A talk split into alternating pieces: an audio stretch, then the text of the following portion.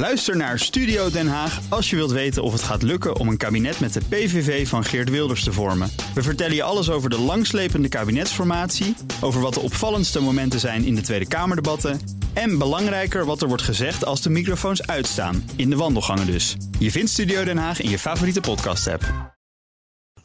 De column van Jaap Jansen. Afgelopen week vertelde Ed Nijpels mij dat hij al 30 jaar vindt dat de maximumsnelheid het beste overal 100 km per uur kan zijn.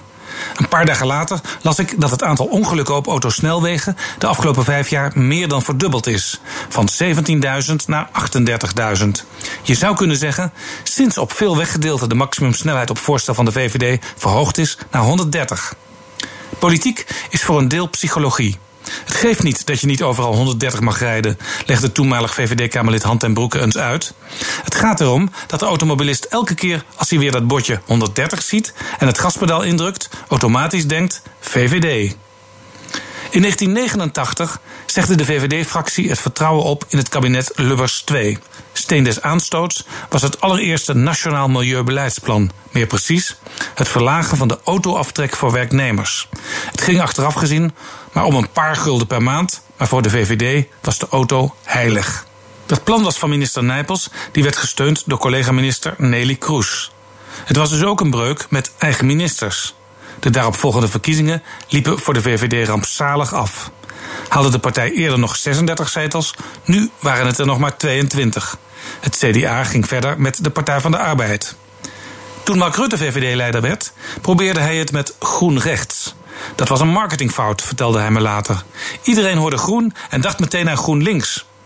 Pas toen Rutte in campagnes onversneden rechts deed, ging het beter met zijn VVD. Hij was nog maar net premier en daar kwamen ze al, de bordjes 130. De VVD, zei Rutte, is de Vroempartij. Onlangs pleitte een commissie onder leiding van VVD'er Johan Remkes in een officieel advies aan de regering voor het verlagen van de maximumsnelheid. Het kabinet is nu van plan dat op sommige plekken te doen en op andere niet. De automobilist moet dus straks op de rem trappen waar hij eerst extra kon gassen. Maar soms mag hij nog wel 130.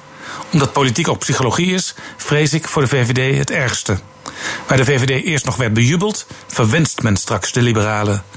Zou het niet beter zijn om na 30 jaar eindelijk de route van Ed Nijpels te volgen en gewoon overal als maximum 100 aan te houden? De CO2-uitstoot per auto kan verminderen met 40% als je niet steeds optrekt naar 130, las ik deze week. 40% Minder CO2, minder stikstof. Maurice de Hond peilde zondag dat ook VVD'ers zich zorgen maken over de klimaatverandering. De meerderheid steunt het klimaatakkoord van Parijs. De meeste VVD-kiezers begrijpen dus heel goed dat forse maatregelen noodzakelijk zijn. Het bedrijfsleven is er al lang mee bezig. Nu alleen de partij zelf nog. En als straks overal elektrisch wordt gereden, mag de VVD, waar het kan, weer ouderwets de Vroempartij zijn.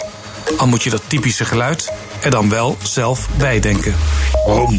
De column van Jaap Jansen op donderdag op bnr.nl. En in de BNR-app vind je meer columns en podcasts. Ook Harm Edens vind je in de BNR-app. Je kunt BNR Duurzaam niet alleen live luisteren in de app, maar ook terugluisteren als podcast, zoals al onze podcasts. En naast dat de BNR-app Breaking News meldt, houden we je ook op de hoogte van het laatste zakelijke nieuws. Download nu de gratis BNR-app en blijf scherp.